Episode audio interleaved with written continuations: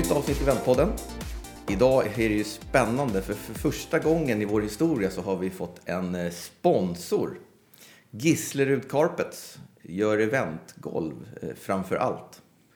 Eh, Vår första sponsor. Vi provar och ser hur det går. Eh, hälsar honom välkommen och Gislerud Carpets välkomna till Eventpodden. Det kanske inte var vad vi tänkte skulle vara vår första sponsor. När vi satt och pratade om det. Nej, vem skulle du säga att vi tänkte Nej, men vi förde väl resonemang som att kanske någon lokal eller någon som jobbar med någon ny teknik eller logistik eller stora hotell borde väl rimligtvis vara potentiella sådana. Och sen så dök Gislerud upp och då tyckte vi att ja, men det var ju ett spännande take. Så att det, vi hälsar dem hjärtligt välkomna och går nu bara på Gislerud Carpets mattor från morgon till kväll. Och den som anar en norsk touch i det där så stämmer det. Gislerud.com kikar man på. Ja, och vad är eventmattor? Vad köper man för mattor av honom då? Eh, Mattor för scener, mattor för konstgräs, trägolv, eh, dörrmattor, alla varianter. Kopplat till event. Ja, man kan säkert köpa mattor annars också, men Gislerud.com. härligt. Välkomna. Dagens avsnitt i Eventpodden heter eh, Att bygga en byrå. Ska vi ge oss in på. Det finns någon uppgift någonstans som säger att eh, eh, runt 500 eventbyråer finns det i Sverige. Och siffrorna säger att eh, ja, 10-15 procent någonstans blir fler än fem personer. Det där ska vi borra lite i. Varför startar man en eventbyrå? Varför gör man det inte? Varför håller man sig till en konsultverksamhet? Eh, tillsammans med Sofie Fransén, eh, 22 år på Eventyr med eh, Kristoffer Köttqvist eh, som delägarkollega. Ska vi prata om varför man startar en byrå, om steget eh, från att vara några stycken till en fullskalig byrå. Eh, titta på hur man hittar sina drömkollegor kanske vi ska se en liten bild av.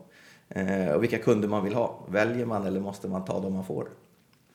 Eh, fallgropar och risker såklart. Och den där fantastiska känslan när man kliver ut från ett kundmöte och, kunderna har gillat precis rubbet.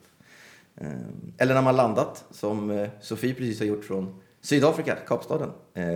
Och man har överträffat kundens förväntningar. Välkommen Sofie. Tack så mycket. Jättekul att få vara här. Ja, härligt. Gick det bra i Sydafrika? Det gick jättebra. Härligt. Lite trött nu efter 22 timmars flygning. Ja, och du Men- landade alldeles... Nej, jag landade igår kväll. Okej, ja. Så att, hör vi någon släpning i tonen så lever vi med det och så försöker vi klippa det då. Eh, Peter, tja! Hej! Tillbaka igen. Yes. Eh, nu sitter du här i, på Creative Meetings kontor eh, och ska snacka om att bygga en byrå tillsammans med två typ 20-åriga konkurrenter i form av Eventyr och inspiration. Nu låter det som ni är 20 år, det är ni inte ska jag säga. Ni ser ut som 20 men ni är inte det. Ja, vi är där och nosar. Ja. Eh, hur känns det? Ja, det känns väl kul? Det är jätteroligt. Får man göra så?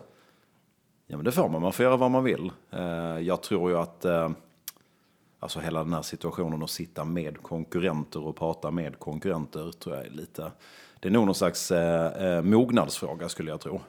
Någonstans så, när man är etablerad, som vi väl får hoppas att vi är efter de här 20 åren, så kanske man kan vara lite mindre protektionistisk och känna att den här marknaden är faktiskt stor nog för oss alla och det är ju hälsosamt med en, med en bra konkurrens, det driver hela vår industri. Så att jag tycker att eh, det är bara att plocka ner garden och tycka att det här är roligt. Så det är kul. Spännande, då ska vi se vart garden hamnar någonstans. Sofie, för den som inte känner till er, vill du beskriva byrån? Eventbyrån Eventyr. Eventbyrån Eventyr. Ja, vi jobbar ju framförallt med företagsinterna events. Så vi hjälper företag med olika typer av möten. Eh, Vi startade 95 så vi är en av de äldre i den här ganska unga branschen. Det är 30 stycken på kontoret idag ungefär. Och eh, jobbar med eh, ganska långa kundrelationer så att man ser över sikt att man kan utvecklas tillsammans med kunden och jobba med deras möten både för personalen och i viss mån även med deras kunder. Så att vi är inte ute så mycket på stan och samplar produkter och den typen av events utan vi fokuserar väldigt mycket på mötet. Så jobbar med logistik, kommunikation och upplevelser. Det är det vi fokuserar på. Så jag tror att vi och Creative gör ganska mycket lika möten men det är inte så ofta som vi möts i pitch utan det är precis som Peter sa att den här branschen är väldigt stor och jag tror att det är bra att vi träffar så här konkurrenter, att man verkligen kan titta på hur kan vi tillsammans utveckla branschen och få branschen att mogna egentligen. Där har vi jättemycket som bransch att göra. Där är vi nog ganska dåliga. Men jag tror vi kommer till det lite senare kanske. Och beskrivningen av, av er känns att den, att den rimmar ganska bra med creative också. Ja, man gör. nej men det gör det väl. Vi gör ju i princip samma saker och har ju också, vi är ju noviser då, om ni har hållit på sedan 95. Vi har hållit på sedan 99. Men, men eh, det gör ju att vi båda är ju definitivt eh, bland, bland det äldre gardet. Eh, alltså- är lite valpigare. Ja, lite valpigare på alla sätt och mycket yngre. Eh, nej, men det är väl... Alltså tittar man på, jag vet att vi har pratat om det Jonas någon gång, att av de här, då, säg 500 byråerna, och jag menar när, när ni drog igång 95 och vi drog igång 99, det finns ju en del personer eh, och profiler kvar från den tiden. Men det är nog frågan om det finns fler riktiga byråer kvar som, som fortfarande liksom heter samma saker och samma konstellation. Utan eh, folk har slutat och byråer har lagts ner och så vidare. Och sen så startar folk upp nytt och sådär. Så att det är nog ganska unikt att vi sitter här med två stycken från 90-talet, eller 1900-talet ska vi säga till och med. Hårt. Ja. Har, har ni någon gång gjort så att ni har googlat på event och? Och det är då man får upp så här event och häst och... Titta vad ni får upp för någonting. Så det går att lägga till till precis vad som helst. Eh, Så att det, att, att det är tillräckligt många som jobbar med exakt det vi håller på med, det vet jag sjutton. Men det går lätt att lägga till eh, event som namn. Eh, Tillbaks till dig Sofie. Din roll, vad, vad, vad gör du på byrån? Jag är ju VD och en av grundare. Vi var två stycken som grundade företaget. Det var jag och Kristoffer Sköttqvist. Men jag sitter som VD idag och nu när vi är så här stora så handlar det väldigt mycket om personalfrågor och att titta på vart ska vi framåt och utveckla byrån vidare tillsammans med vår ledningsgrupp såklart. Men jag gillar ju att vara ute på fältet också och se vad vi gör och träffa kunderna och är med mycket ute i säljet också och ta fram nya koncept och sådana saker. Det operativa kommer man inte ifrån på. Nej men det är ju roligt. Det är ju roligt. Mm, Men mycket är det kring personalen och jag gillar ju att vara chef och ledare. Mm. Så jag tycker det är roligt också. Så det finns mycket som är kul. Får du mycket av båda? Ja. Ja. Va, va, till er bägge då, en öppen fråga. Hur mycket var en tydlig plan från början och hur mycket är liksom his- historia som ni har fått skriva i efterhand att det var så här vi tänkte? När vi startade så fanns inte ordet eventbyrå.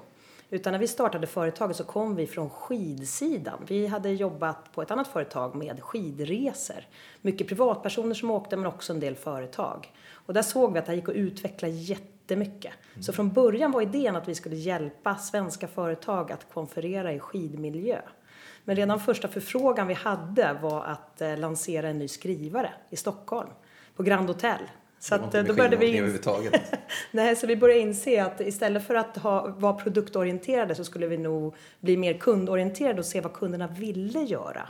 Och där på 90-talet då kom man från en tid där man hade haft så överdådiga bjudmiddagar för kunder och så ville man uppleva mer tillsammans och det blev våran nisch.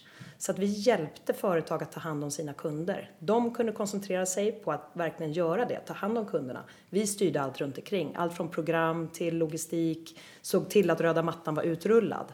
Och då när vi alltid var ute, med ute på plats själva, så var det ju helt plötsligt då ett antal nya kunder som såg vad vi gjorde. Så varje gång fick vi minst en ny förfrågan. Och så började vi växa. Och sen var det en kille i vår styrelse som sa att, men vänta nu, ni är ju en eventbyrå. Vad är det? Och det var nog någonstans runt 99 när ni poppade upp också. Så då bytte vi namn till eventbyrån Eventyr. Och och Peter, känner du igen historien? Eh, nej, inga, inte från skidresevärlden, inte det minsta. eh, nej, men ganska snarlikt. Jag vet att när jag drog igång 99, då tyckte jag så här, wow, det här är ett svart hål på marknaden. Det finns ingen som gör sånt här. Och det här var ju liksom typ nästan pre-internet, så man hade ju ett begränsat informationsflöde. Så att det var ju inte så, det har jag insett nu. Det fanns en del som höll på nu, men absolut inte i samma utsträckning eh, som det är idag. Det, det var betydligt färre som hjälpte till eh, att göra sånt här för kunder. Och eh, vi, alltså min bakgrund var ju egentligen inte skidresor, utan jag hade ju hållit på sen jag var typ 16-17 år att göra fester och nattklubbsturnéer och så här kändispartyn och sånt. Och tyckte väl någonstans att ah, men nu är jag vuxen nog att kanske göra det här på riktigt. Och då tyckte jag att eventbyrå, ja, det fanns då som sagt knappt. Så att eh, det var väl relativt snarlikt. Man, man fick väl hänga med i utvecklingen och så, så blev man en eventbyrå kan man väl säga. Ungefär så. Vet nu, jag kom igång med inspiration.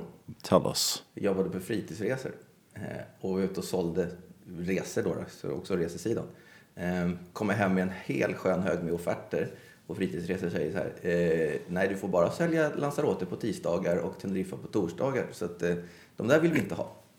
Och då fick jag ställa frågan, får jag ta dem och göra någonting med? Ta dem du. Och sen gick det tre månader och så ändrade de sin strategi för de märkte att det där inte funkade.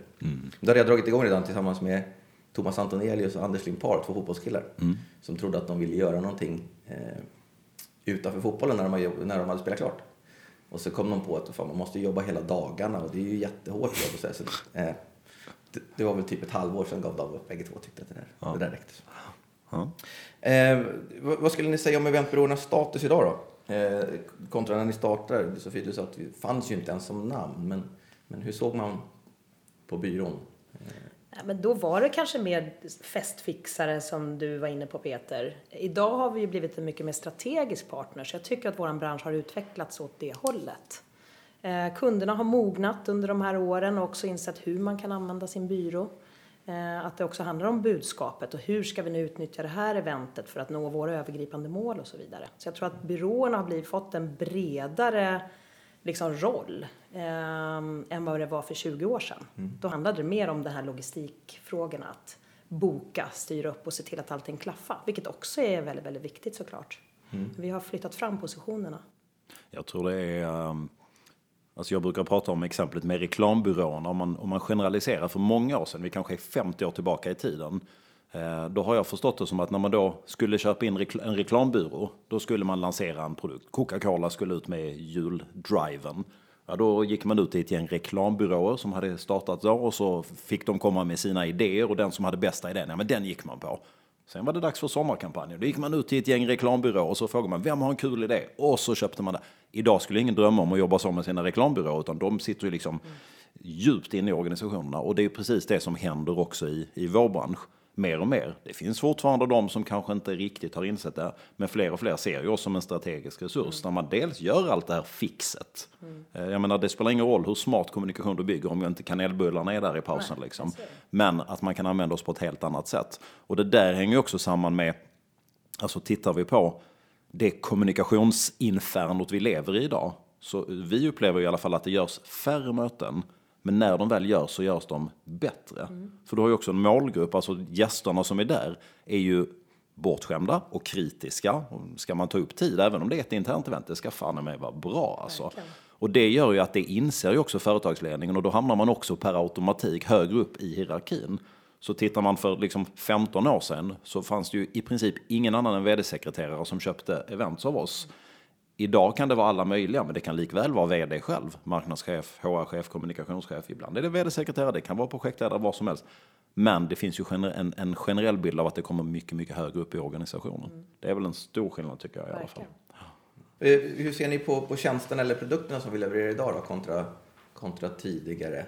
Är det, har, det, har det blivit någon skillnad? Vi är inne på hur de, hur de köper oss lite grann. Vad, är det någon skillnad i vad man köper i slutändan? Är vi ballongblåsare i slutändan ändå? Jag brukar prata om att vi gärna är ballongblåsare om det, liksom om det mappar in på ett syfte, om det behövs ballonger av någon anledning. Det är roligt, du och jag kommer ju från ett möte idag där vi pratade ballonger Jonas, men ur ett liksom, någonstans strategisk grund. Nej, men det hänger väl ihop med att de köper andra typer av tjänster idag och att, att man eh, ja, behöver leverera 90 grittin, men även smarta tankar och idéer som inte alltid finns på ett papper heller. Liksom. Så tjänsterna har väl ändrats radikalt. Ja, men det tror jag också. Och det handlar ju mycket om digitaliseringen. Det är många kunder som har ett behov där att få hjälp. Så det, och det fanns ju inte på samma sätt för 20 år sedan att man använde den tekniken i mötet och att eventbyrån är den som är experten på hur man ska göra det. Eh, Men även att vara med in i mötet, att med talarcoaching och att eh, tvätta powerpointbilder och sådana saker. Det, det kan jag inte säga att vi gjorde för 20 år sedan. Eller att vi ens fick den frågan. Men idag är det nästan mer regel än, undantag. Så att det har verkligen utvecklats. Och det är en rolig resa att få vara del av. Ja, verkligen. Det fanns ju en tid när, när, när man pratade om att eh, reklambyråerna skulle ta in eventbyråerna i sin verksamhet för att, eh, för att kunna ta redo för nästa steg. Det blev ju aldrig så. Nej. Utan eh, eh, snarare att vi har markerat vår plats ännu Mm. tydligare eh, vad vi gör för nytta. Nej, men många reklambyråer startade ju upp eventdelar och vissa har det väl fortfarande. Men det var ju just på det området som du sa att ni inte håller på med, som inte vi håller, heller håller på med, som är produktsampling och så vidare. Där är det ju liksom, reklambyråer som har något litet ben där de ska göra sånt. Men, men det är ju kanske inte den typen av event som vi tänker på primärt. Får jag fråga, det här, att bygga en byrå heter våran, våran rubrik. Eh, när kom ni på att det var bygga byrå ni gjorde? Alltså, när gick steget från att eventmaka till shit, nu bygger vi byrå? Kan, kan, kommer ni ihåg tillfället eller eh, känslan? Eller så? Jag vet inte om jag har tänkt så. Jag har nog tänkt så. När jag tänker efter nu. Alltså jag, jag kom in, jag hade en kort period precis innan detta där jag drog igång ett, ett dotcom-projekt. Jag har liksom gjort hela den där sjuka dotcom-resan. Vi skulle starta en, en global fotbollssajt som heter eurofootball.com. Det var tre kompisar till mig som hade dragit igång och de ville plocka in mig på säljet. Eh, och vi tog in 80 miljoner i riskkapital och hade liksom folk från hela världen som jobbar med detta. Det var helt sjukt. Vi hade så kända fotbollsspelare så det liknade ingenting som delägare och allt möjligt. Eh, och sen nio månader senare så var pengarna slut. Och jag var liksom igång med det här. Så jag var ju helt fördärvad i den här bilden av att man måste expandera och first to market is everything och content is king och alla, alla floskler som flög där. Så jag vet att vi startade ju tidigt upp liksom kontor i Malmö och Göteborg och Köpenhamn. Och sen har vi stängt ner dem ett efter ett och insåg att vi kan nog driva den här lådan från, från, från Stockholm på ett bra sätt istället. Så att jag, jag var nog lite mer så här kanske, det är kul att bygga, bygga byrå. Det tror jag. Jag har inte tänkt så mycket på det, men ja, så är det nog. Jag kan komma ihåg när, när vi anställde vår femte person, Mikaela Stangeby. Då kom vi på att vänta, vänta, nu är vi i byrå.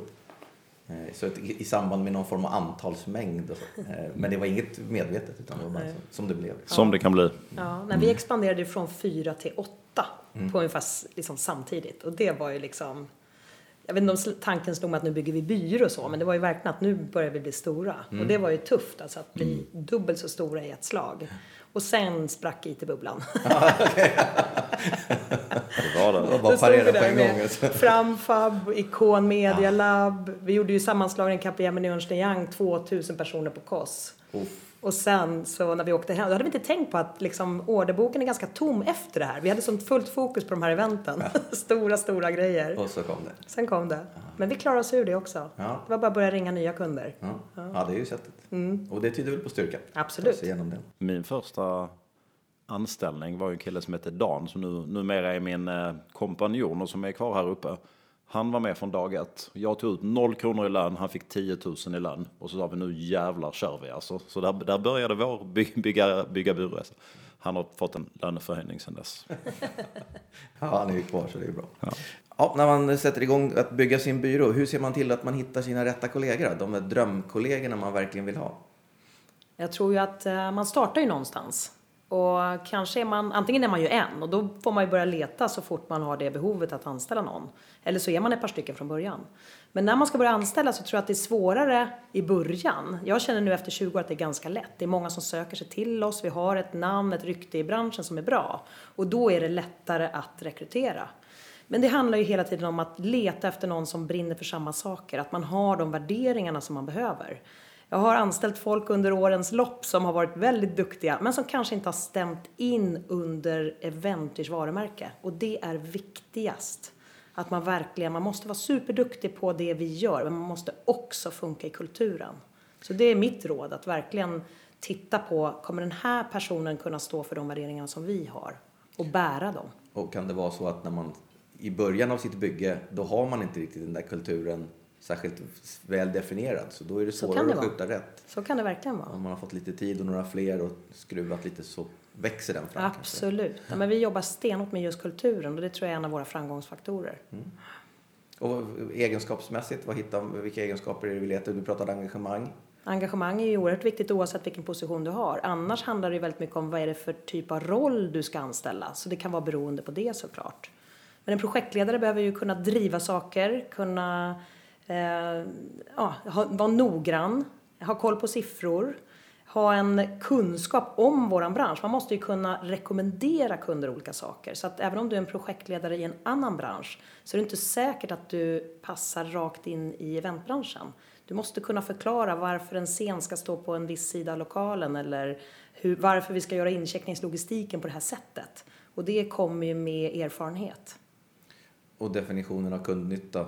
Vilken nytta ska det här, var, vilken nytta gör det att, att kunden, att vi sätter scenen där vi gör eller? Exakt. Mm. Vilka effekter ger det? Vad säger du Peter? Nej, men jag tror också, alltså när jag har rekryterat genom åren så kan man säga så här att de gångerna som det har blivit mest fel är när jag har rekryterat människor med ett grymt event-CV. Som kanske har varit på olika byråer.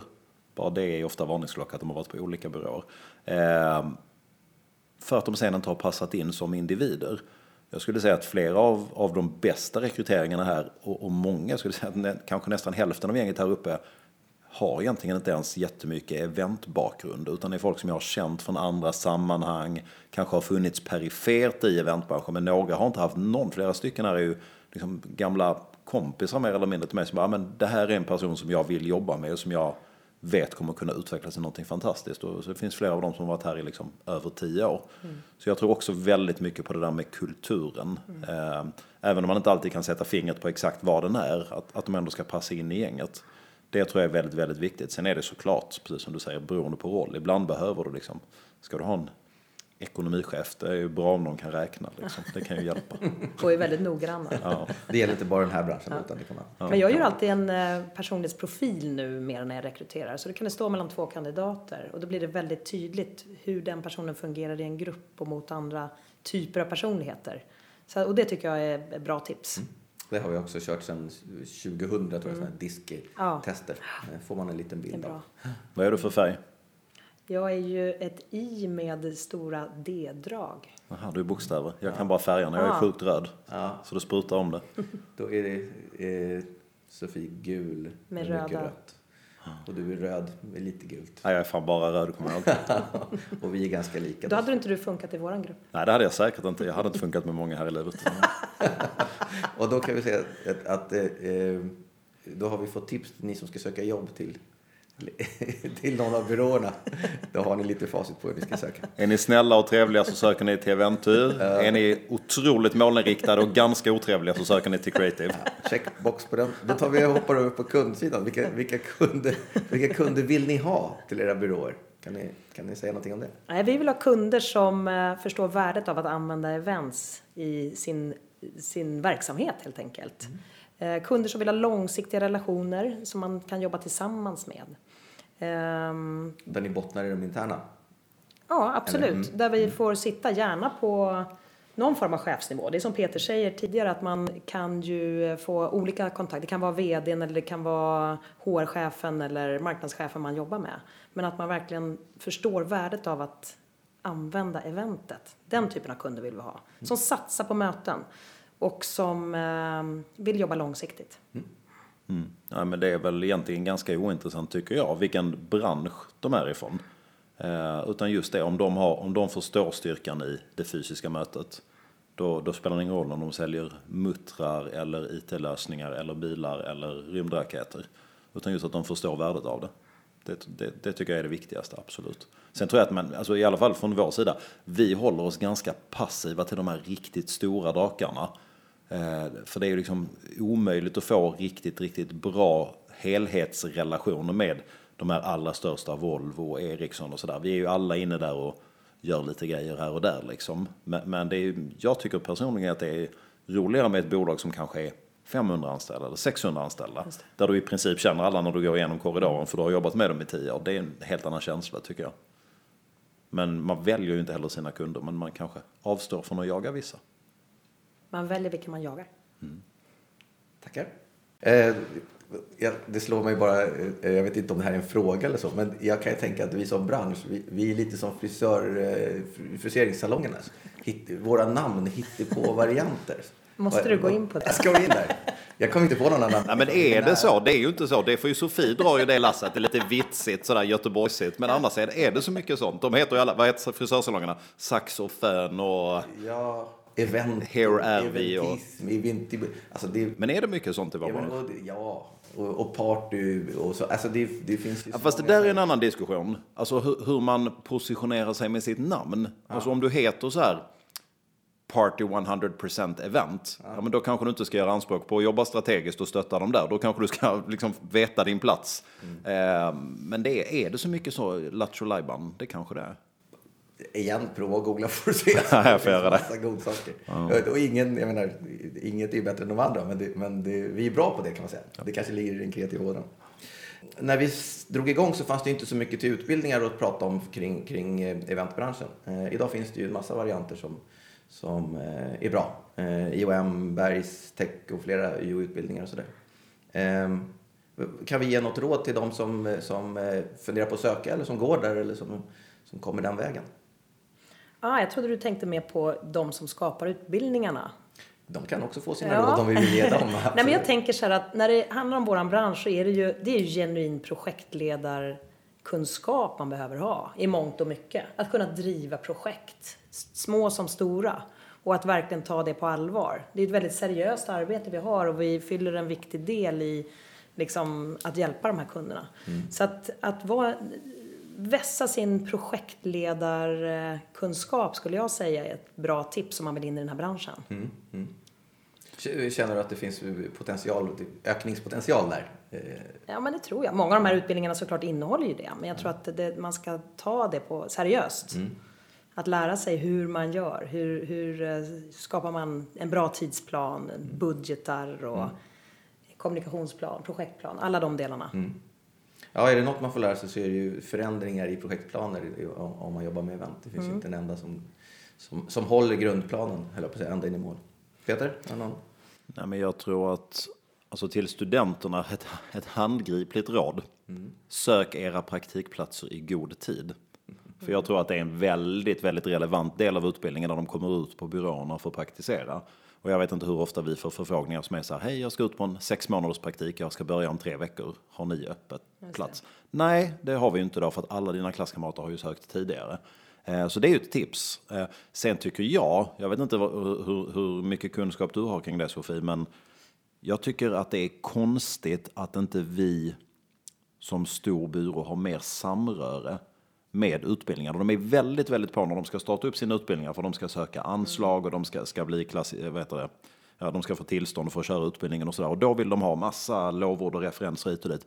Och sen säger det poff, jag vet att vissa byråer är inne lite grann och hjälper till och gästföreläser och sådär. Men fasen där, så det här är ju en helt autodidakt bransch. De som, de som har skapat branschen är ju huvudsakligen folk på byråerna skulle jag säga, med hjälp av vissa duktiga kunder. Att inte vi liksom tvångskommenderas dit, samtliga byråer, för att föreläsa och utbilda, tycker jag, där har de ju kanske lite potential i sina utbildningar. Ja, det är klart. Ja. Så att, ja, det var väl några råd. Bra så. Eh, en annan spännande fråga kring att driva byrå. Blir man rik? Tjänar man några pengar? Jag hade en kompanjon hos oss som sa så här, man blir inte rik på att driva byrå, men man kan le- man blir inte miljonär på att driva byrå, men man kan leva som en. Man får uppleva mycket, man får träffa många spännande människor, man får resa och så vidare. Ja. Det tycker jag var rätt fint sagt. Ganska bra. Sen tror jag att det här är ju en affär som vilken annan som helst. Driver man sin byrå på ett bra sätt så finns det såklart möjligheter att bli rik på det. Men eh, för mig har det aldrig varit något övergripande syfte utan jag har brunnit för det vi gör och det har varit viktigast för mig. Skulle ni säga att vi är en, konkurren- eller en eh, konjunkturkänslig bransch? Oh ja. Eller? Ja, det är vi ju. Det, är är, vi det ju. klart att vi är. Men samtidigt så brukar vi prata med våra kunder om när de lågkonjunkturer som vi ändå har varit med om. Har du råd att gå igenom den här lågkonjunkturen utan ett bra möte med din personal? Du kanske har sparkat 30 procent. Du ska låta resterande personal göra samma jobb. Hur ska de göra det? Och hur ska du få dem att gå starka ur det här? Då tror jag att mötet är ett oerhört viktigt verktyg där. Så att, ehm, men självklart så är vi, att det kan det vara lätt att ta bort de här delarna när man då måste strama åt. Men Ja, även om många är kloka och inser att de inte ska göra det så finns det ju så det blir någon slags självsanering. Så, så det, för, det är bara att titta på alla våra byråer. Det är ju, det är ju publika siffror. Alla minskar vi ju i de tunga lågkonjunkturerna. Sen tror jag att vi är någon slags omvärldsbevakare. Bevakare. vi märker ju rätt snabbt vart vindarna blåser. Man har ju rätt bra koll generellt på näringslivet, liksom vad som händer. Men jag, jag tycker den här, liksom, blir man rik på att driva byrå? Jag tycker, jag, jag satt här och funderade på det. Alltså tittar man i Sverige, alltså rika är ett världsligt begrepp, men det finns ju liksom ett, de större byråerna är ju hälsosamma och liksom de flesta gör liksom mellan 1, 2, 3, 4, 5 miljoner om året i vinst. Någon gång så är det någon som gör 10 miljoner, men då är det rätt exceptionellt att någon lyckas göra det någon gång. Så att man blir nog inte det, men det är också för att det finns inga riktigt, riktigt stora byråer i Sverige. Det finns inga sådana här giganter, utan vi är ju ett gäng som kravlar omkring där i, i ungefär i samma volym. Det finns ju en, jag har en eh, ingift kusin som är någon slags chef på, på något som heter George P. Johnson. Som ju är världens största, eller näst största eventbyrå. Jag tror inte de, de har ett kontor i, i Norge. Och de är så här, vet att han har berättat, de är 1500 anställda, de omsätter drygt, vad är det, 2-2,5 miljard någonting. Jag vet inte vad de tjänar för pengar, men där kan man ju prata om att det är någon som har startat det där. Om det är den här George P himself, det vet jag inte. Förmodligen. Ja, så att där kan man, man kan ju säkert bli rik på att, att eh, driva byrå. Men, men klimatet är väl inte riktigt där i Sverige. Sen kan man ju, precis som du sa, leva på det bra naturligtvis. Men man kan förlora jävligt mycket pengar också.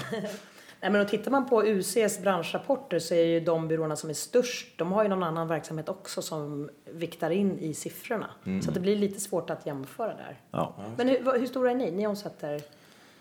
Eh, förra året omsatte vi 91, i år kanske 120, lite försiktigt. Men då är vi ungefär Vi är ungefär stora. jämnstora. Och sen finns det väl några som, alltså det är så här, skulle du slå på alla som tar så här, alla som är medlemmar i sponsrings och eventföreningen, då kommer du hitta liksom företag som omsätter en miljard.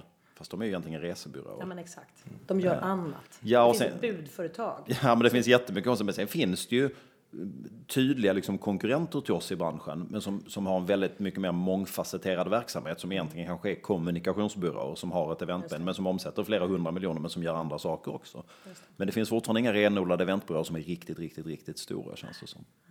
Med respekt för våra lyssnare så, så gillar vi ju dem också, de som har kombinerade varianterna, men det är svårt att jämföra. Ja, Just det, självklart. exakt, självklart. absolut. Lät jag sådär dissig nu, Nej, alltså? nej, nej, det var inte alls så. Blir jag uppläxad där. Min tanke. Eh, vad skulle ni säga?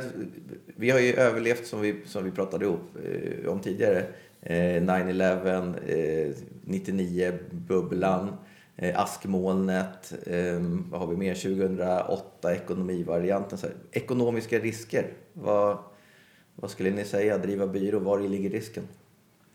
Nej, men det är ju just det såklart, konjunktur och så vidare. Vi har alltid försökt skynda långsamt att liksom, när vi ska anställa någon så ska vi verkligen liksom, i- eller första åren om man tittar på dem, när vi väl anställde vår första person, då hade vi tjänat in de pengarna som det skulle kosta under ett års tid, ifall den personen inte skulle vara lönsam. Så tänkte vi då, nu vågar vi vara lite mer aggressiva nu när vi nästan är 30 stycken.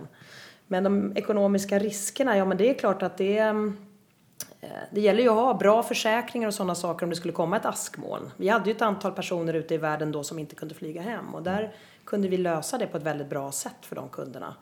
Så att, eh, men det är ju sånt man inte kan påverka. Nej, men det är alltså vadå, ekonomiska risker är väl som allt, alltså att driva eventbyrå är ju som vilket företagande som helst. Alltså det man ska veta är, det är ju jättemånga, vi brukar säga att det poppar upp mängder med eventbyråer varje år och det poppar ner nästan exakt lika många året efter. För att man tycker att starta en eventbyrå, det kan inte vara så svårt, det är väl lattjo och kul liksom, och så gör man det. Och för de allra flesta så går det ju åt helvete, punkt. Alltså de flesta företagen som, generellt som startas i Sverige finns ju inte kvar 12 månader senare. Jag tror att det är mycket fler än så i eventbranschen. För att man startar, det låter lite kul och det är inte så svårt. Vi är ju tre bevi- ja, Kortsträcka. ja, men det, det, är ju, det är absolut. Du har en kompis som är marknadschef någonstans så har du en kund. Jag tror vi tre här inne är nog levande bevis på att jo, det är rätt svårt att driva eventbyrå. Det går att göra det väldigt, väldigt eh, galet också. Så att det är klart att det finns en ekonomisk risk, men jag tror inte den är så den är delvis kopplad till event, men den är nog mer generellt kopplad till företagande och, och näringsverksamhet. Liksom. Men sen kan man ju se på det i ett annat perspektiv att det är lätt att starta upp men det kan vara svårare än man då tror. Och jag menar det här hänger ju ihop med att man då har de försäkringarna som krävs, att man ställer den resegarantin man ska göra. Och det kan jag bli lite trött på ibland när man då blir konkurrensutsatt av nystartade eller mindre företag som inte har den seriositeten. Så om man tittar så har de inte någon resegaranti som man enligt lagen ska ha. Eh, eller ha en riktigt bra ansvarsförsäkring. Det är klart att de sakerna kostar ju också. Och där tycker jag att för en kund, så kunden måste ta ett ansvar och kunna jämföra det här så att de jämför äpplen och äpplen. Får jag fylla på där alltså? Du vet vart jag ska nu Jonas. Ja, kör det. Jag är- jag plingar i klockan när du Ja, det finns vissa saker jag verkligen inte gillar. Det är AIK, det är en sak. och sen är det den här med resegarantin. Alltså det är ju så absurt. För, förenklat då för våra lyssnare så måste du ha en resegaranti när du ska göra vissa typer av event som innefattar resor, vilket även kan innefatta att flytta folk i en buss så länge det liksom finns några andra inslag i detta. Och alla vi som försöker göra det här seriöst betalar ganska stora pengar för detta. Och så finns det ganska många som inte gör det, precis som du var inne på Sofie. Och jag har ifrågasatt det här år efter år efter år efter år. Och alltid fått till svar då från Kammarkollegiet, som är de som driver detta, att eh, nej, men så här är regelverket, du kan tolka det hur du vill. Och jag har argumenterat på ett väldigt sakligt sätt för varför det här är helt uppåt väggarna fel. Och till slut var jag så här, jag måste få, få prata av mig, hur gör jag? Det kokade ner till att de säger så här, det enda sättet som du kan föra ett samtal med oss om detta, det är genom att överklaga till kammarrätten. Då gjorde jag det. Då fick jag gå på rättegång. Där det sitter alltså fyra stycken domare, eller en domare och tre nämndemän eller vad det heter. De kommer två personer från eh, Kammarkollegiet. Och jag fick föra en diskussion med dem där i som sen är protokollförd och allting. Jag fick föra, kändes som hela branschens talan, men jag fick inget gehör från någon annan för det. Så, väldigt formellt liksom, men, men det kokade ju ner till att nej, det ska finnas kvar de här resgarantierna även för väntbyråer. För min tes var att är du en resebyrå, fine, jag fattar det. Är du en eventbyrå som inte, då hade vi ingen reseverksamhet alls. Helt orimligt att det skulle finnas. Men nu vet jag, för nu har jag också varit i kontakt, jag har tagit det här vidare och varit i kontakt med eh, Finansdepartementet där det finns en kille som jobbar med det här. Som har sagt att eh, det håller på att luckras upp. Det finns EU-direktiv att det här eventuellt försvinner inom kort. Eh, vilket jag håller tummarna för. Sen är det inget fel på dem på Kammarkollegiet. De gör sitt jobb, de gör det by the book, men det är fel i regelverket. Så, nu fick jag prata om mig lite. Känner du lite puls? Du? Nu hade det blivit, det, det var en av mina... Ah! Men jag tror att jag har en bra brygga över på det där då. Ja. Eh, Det handlar ju om samarbeten. Du sa det, det var nog, jag fick föra hela branschens talan och sådär. Har vi några bra samarbeten värda namnet oss byråer emellan? Kan vi, finns det några sådana? Ja, det fanns ju ett initiativ, Peter du var väl med där också, där man tittade på hur kan vi som stora byråer eh, sätta vissa direktiv för att vid stora upphandlingar till exempel, det finns kunder som vänder sig till 15 byråer i en pitch. Och då är det 15 byråer som lägger ner ett oavlönat arbete i, i den här pitchen där man kanske inte heller har fått rätt förutsättningar för att göra ett bra jobb. Och då ville vi tillsammans hjälpa kunderna så att vi skulle göra liksom en checklista med saker som de behöver informera oss om för att vi ska kunna ta fram ett bra förslag och så vidare. Så att man då kanske också kan tacka nej ifall man inte får rätt förutsättningar. Det var ett bra initiativ men det föll lite grann. Det, det blev, jag vet inte, Ja, Det roliga med det är ju faktiskt, eh, kuriosa är ju att anledningen till att jag och Jonas, eller att vi sitter här tillsammans idag, är att jag och Jonas käkade någon lunch för några år sedan och var lika irriterade båda två på den här usla pitchkulturen som finns i vår värld. Och skrev faktiskt något utkast till det där, och det här är säkert 6, 7, 8 år sedan. Ja, Någonting sånt. något sånt kanske. Ja, något åt det hållet. Där vi bara, men det här, så här kan det inte vara längre. Det här är ju katastrof. Och så började vi prata med sponsrings och eventföreningen om det och sen hände det inget mer med det. Och sen togs det upp då, lite mer seriöst nu, för vad kan det ha varit? Ett och ett halvt, två år sedan. Och så var vi ju ett gäng byråer som la tid liksom. Eh, vissa sket i det fullständigt. De tycker väl att det är kul att pitcha. Och vi andra tog det rätt långt. Men sen så skulle sponsrings och eventföreningen orka dra igenom där. Jag tror att det blev lite för tungt. Det är lite för litet kansli där. Så det var väl ett gott försök. Men, men eh, annars är det ju rätt så tunnsått med gemensamma initiativ. Det är ju någon som försöker göra sociala grejer. Det bjuds in till, till eh, mingeltillfällen och sådär. Där är ju SEFs duktiga. Men, men eh, vi samverkar nog väldigt lite. Det kanske också hänger upp med att vi är inte så, det finns inga sådana riktiga som driver branschen. Vi är många någorlunda jämnstora. Liksom. Det borde säga. Kan inte hända, eller hänga på det att vi inte är tillräckligt stora för att ha eh, muskler att själva driva de frågorna som är viktiga. Vi pratade ju om eh, Skatteverket och regler, vad man får göra. Eh, som också var en, en del i den här diskussionen, eh, förutom pitcherna. nej men det handlar väl också om att branschföreningen är för liten. Ja. Det är en person som sitter där liksom. Två. Ja, Just två nu, kanske. just nu noll, men snart Ja. två igen. Nej men samarbeten, det, ibland blir det att man samarbetar med en annan byrå för en kund i ett uppdrag. Så så kan det ju vara att man jobbar på det sättet. Det är ju spännande. Det blir ganska hands-on, Det blir alltså hands-on. projekt, eh, Ja. projektjobb ihop. så att säga. Och det kan ju vara PR-byråer, det kan vara reklambyrå, det kan vara annan event, Ja. eventbyrå. Så. Precis.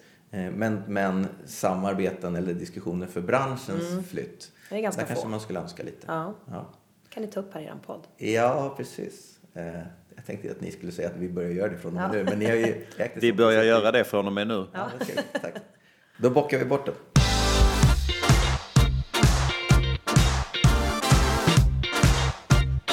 Då var det dags för veckans blooper. Peter, har du något spännande att berätta? Ja, nej men jag, blooper, är fan, vi måste byta namn på det där alltså, men vi brukar ju nämna någonting som är lite tokigt. Det händer ju mycket konstigt i vår värld. Och eh, jag har pratat med kollegorna och letat eh, sjuka stories och ett, någonting som, som ofta kopplas ihop med event är att man gör film i, i uh, olika sammanhang. Som förstärker ett budskap och lite schysst dramaturgi till en konferens och sådär. Och vi hade då ett uppdrag förra året, eller om det var för förra året, för en eh, kund inom, vi kan säga, servicehandeln. Där vi gick ut på stan med en kamera och en reporter och frågade vad är viktigt för dig när du går in i en butik? Och då fick man ju rätt generella svar. Det, ja, det ska vara ett bra utbud, det ska vara bra pris, personlig service, läge och så här. Och sen var det en kille som svarade något eh, oväntat. Och jag har hans klipp här i telefonen, ska plocka fram den. För att det här var ju väldigt, väldigt märkligt vad han sa. Ska vi se om vi kan lira upp den här direkt in i mikrofonen. Den där Han, telefonen har vi hämtat bra grejer ur förut. ja, det har vi gjort. Ja. Han, han får frågan, vad är viktigt för dig när du går in i butik? Och då svarar han så här. och bli nöjd när du är inne och handlar i en butik? Um, det är väl om, om jag kan komma på vad jag vill ha snabbt. Det är en sak. Men sen så um, kan jag känna mig ganska splittrad när jag går in i butiker i allmänhet. För att det är väldigt mycket löpsedlar och olika produkter och det känns ganska onaturligt att saker kostar mer på vissa ställen än vad de gör på andra. Och det blir, man blir liksom överlastad med någon slags konsumistiskt tänkande. Så att jag brukar må ganska dåligt efter att jag gått ut från en butik oftast. Och inte riktigt veta varför för, för det första. Och sen så kommer jag väl på det några dagar senare eller när jag går och lägger mig eller så. Så svarade han på den, på den frågan. Jag tyckte att det var väldigt, väldigt speciellt. Och han såg sådär superseriös ut genom hela den här intervjun också. Lite oväntat svar. Den kom inte med i urvalet av Den intervjuer. var inte med på Nej. eventet? Nej, den spelades inte upp. Vad synd. Ja, Annars var det en skön betraktelse kan man säga det. mycket intressant. Eh, tack för bidraget. Vi fortsätter att kalla det veckans blooper ett tag till.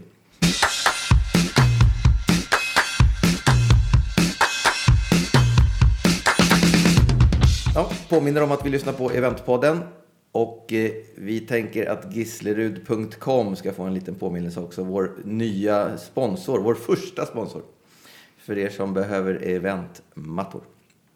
Eventpodden vänder sig till dig som eh, jobbar med event eller bryr dig väldigt mycket om event eller köper event. Eh, Vi fortsätter att prata med Sofie Fransén och vi ska ta ett litet sidospår i det här nu då. Eh, ett spännande uppdrag som du fick, Eurovision. Berätta, vad du, vad, hur kom det sig och vad blev det och hur, hur fick du och hur var det? Det var ett jätte, jätteroligt uppdrag. Jag fick ett samtal av Christer Björkman som ringde och frågade om jag kände någon som skulle kunna axla eventdelen i det enorma projektet som var i Stockholm 2016, eller vad blir det? Ja.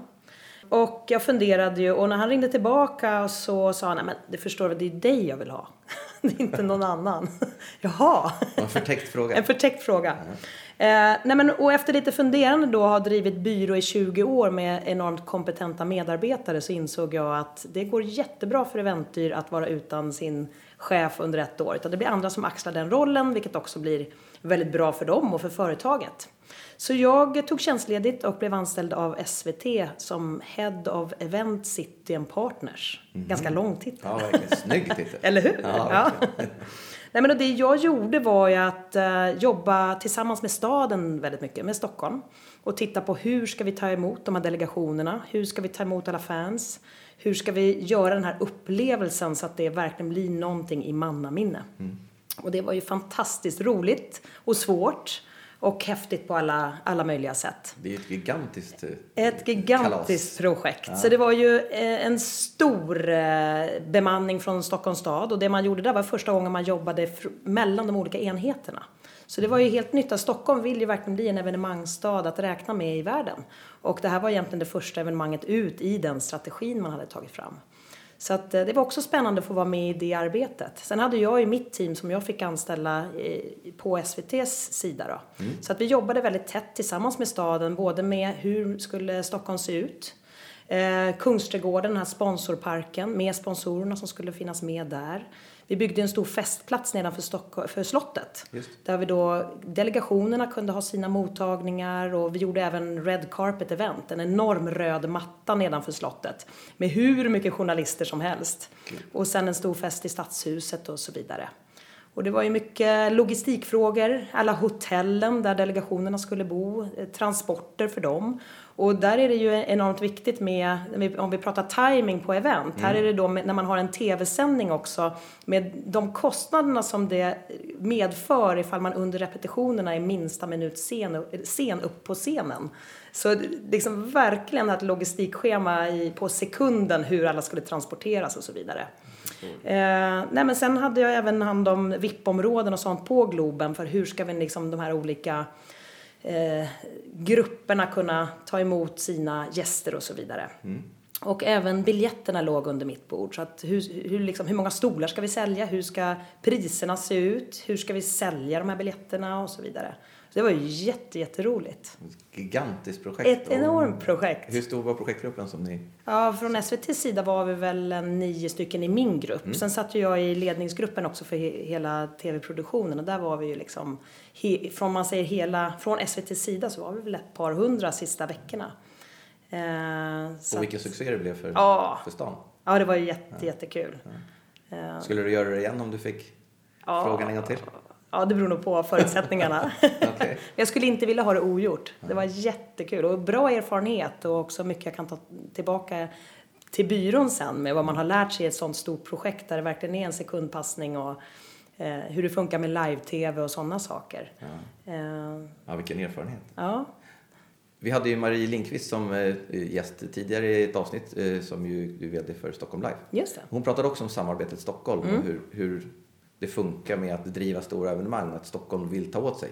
Vi creddade i Göteborg lite för att de var duktiga eh, på det. Just det. Vad, skulle du, vad är dina erfarenheter eller lärdomar eller bra saker kring det där?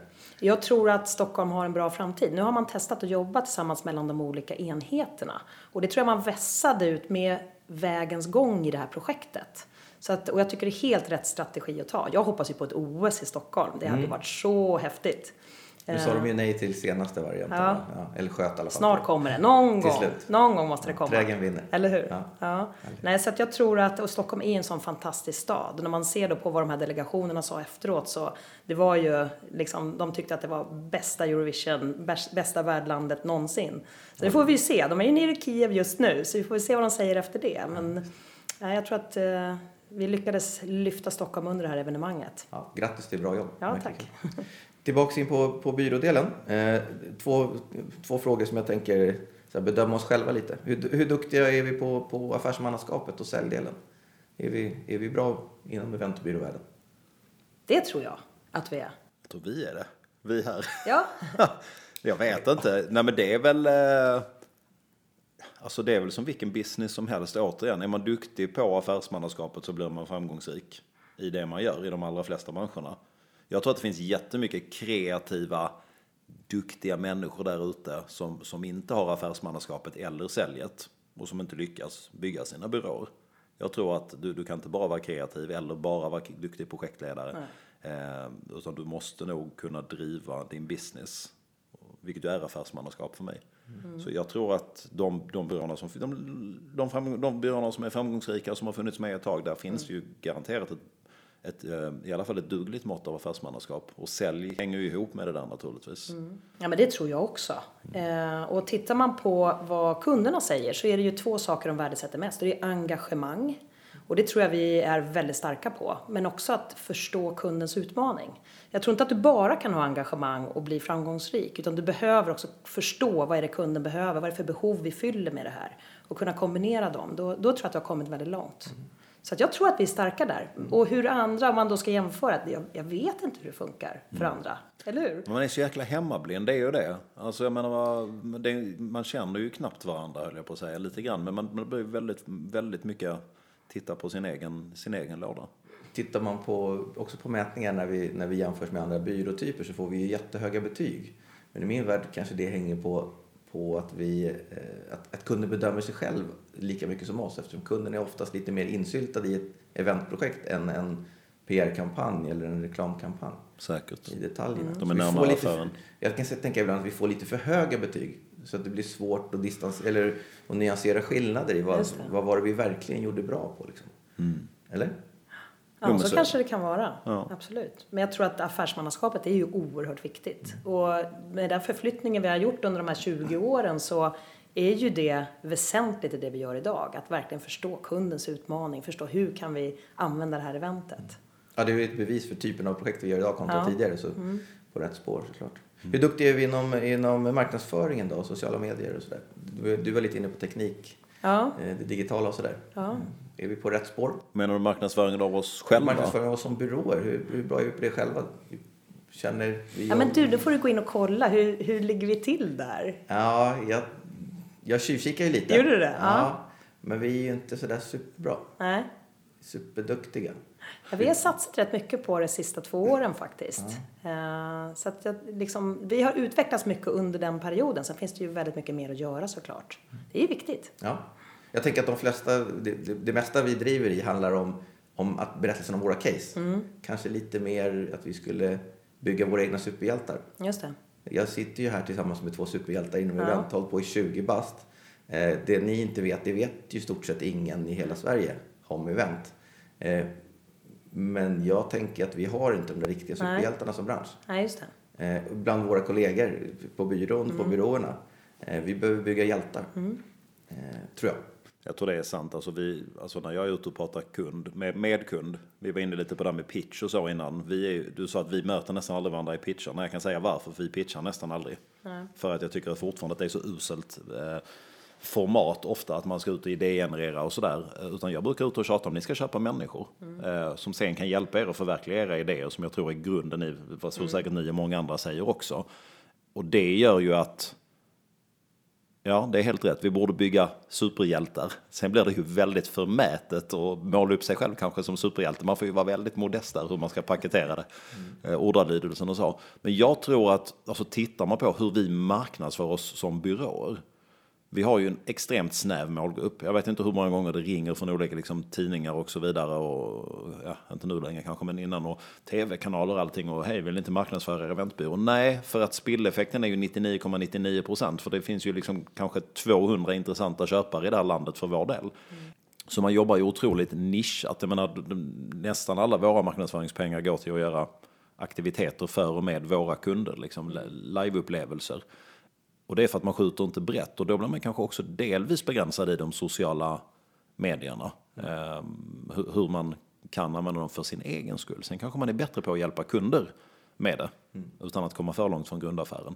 Men jag vet inte, jag, jag ska säga att ärligt talat, jag har ju otroligt dålig koll på hur andra byråer marknadsför sig. Det kanske är för att man är lite snäv generellt. Vad, vad, gör- vad, jag brukar vara inne och kolla ibland vad Ja. andra gör. Men jag, och där, vi har ju två som är grymma på att jobba med våra sociala medier. Så att jag får ju be om att få lägga upp någonting ibland.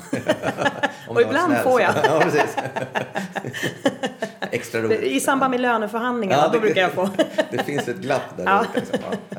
ja, men det, ja, det kanske är... eh, Det blir rätt att berätta om case. Det blir rätt att berätta om eh, platser, personer, Mm. kända personer. Men När vi kanske borde lyfta upp våra, våra kunskaper eller våra skills mer. Du pratade om vad man, ska, vad man lär sig på utbildningarna. Mm. Projektledning, hålla reda på, på tid och pengar. Just det, Ehm, och det har vi folk som är jätteduktiga på, där den stora skillnaden kanske ligger. just det. Eh, att hyra en person och ringa, ringa och hyra en person för att Mm. göra någonting är inte Nej men visst. supersvårt kontra det. Nej. Nej, men jag håller med dig Petra att vi vill ju marknadsföra oss precis på det sätt vi vill att kunderna gör i form av events. Och eftersom vi vet vilka våra kunder är så jobbar vi ju väldigt mycket med events för att träffa våra kunder. Så vi jobbar mycket med frukostseminarier och vi har en stor afterski-fest och lite sådana saker. Den berömda afterski Ja. ja. Jag har aldrig varit bjuden. Har du inte det? Tunt. Nej. Tunt. Man måste kunna åka skidor. Ja, det är också. Jag var ju för övrigt i Åre fem dagar på påsklovet med familjen utan att komma upp i backen. Det är ju, jag vet, jag skäms. Fy dig. Ja. Peter, veckans event. Har vi något sånt idag? Ja, men titta, det blir ju en grym brygga här när vi pratar skidresa faktiskt. Jag tänkte veckans event, vi brukar ju lyfta något event vi har gjort här i, i närtid. Och då tänkte jag faktiskt idag mer lyfta en plats. Och då tänkte jag på dig Sofie, med bakgrunden där sprungna ur skid, skidresevärlden en gång i tiden. Eh, vi hade en grupp som ville iväg och ha en konferens i skidmiljö för några veckor sedan. Och de hade gjort allt det vanliga. De hade gjort alla orterna i Alperna och de hade gjort alla orterna i svenska fjällen. Och nu ville man dels liksom göra något som kanske stack ut lite mer, som var lite oväntat. Och prova något de inte hade varit på innan. Och det slutade med att de landade då i Bulgarien på sin skidkonferens. Eh, jag var inte med själv, pratade med en kollega som gjorde det. Och, och, ja, det var ju för att komma till någonting nytt, oväntat, lite ögonöppnare. Eh, för betydligt lägre pengar än vad de hade betalat tidigare år i Alperna och så vidare. Så fick de alltså ett grymt femstjärnigt hotell och superbra mat och ett jättebra liftsystem. Eh, där de då åkte skidor kombinerat med konferenser och så vidare. Så att eh, det var en liten spaning på, på mer en plats. Eh, men det kanske du vet mycket mer om än mig. Eh, udda skidorter kan jag tänka Jag mig. har inte skidor i Bulgarien. Nej, bara en sån sak. nästa sak. Ja. Bansko. Bansko heter det Två till och med. från Sofia. Mycket värt att rekommendera. Ja, något femstjärnigt, riktigt bra eh, Kampin, Kempinski-hotell där hörde jag. För, för väldigt vettiga pengar. Så det var veckans spaning kan vi väl säga. Åk till Bulgarien och åk skidor. Trevligt. Mm. Då håller vi oss kvar på resespåret. Du kom ju precis från Kapstaden. Just det. Har du några bra tips att ge oss? Åh, det är en vad- sån fantastisk des- destination. Sydafrika generellt. Och jag skulle säga att om man ska ta en grupp dit så ska man börja, flyga till Johannesburg. Ta sig upp och göra, börja med safari. Det finns ingenting som knyter ihop en grupp så väl som när vi går back to basic. Back to where we come from. eh, och så bor man på en lodge, kanske en eller två nätter och gör de här fantastiska utflykterna och tittar på djuren. Och sen så flyger man ner till Kapstaden efter det och avslutar resan där.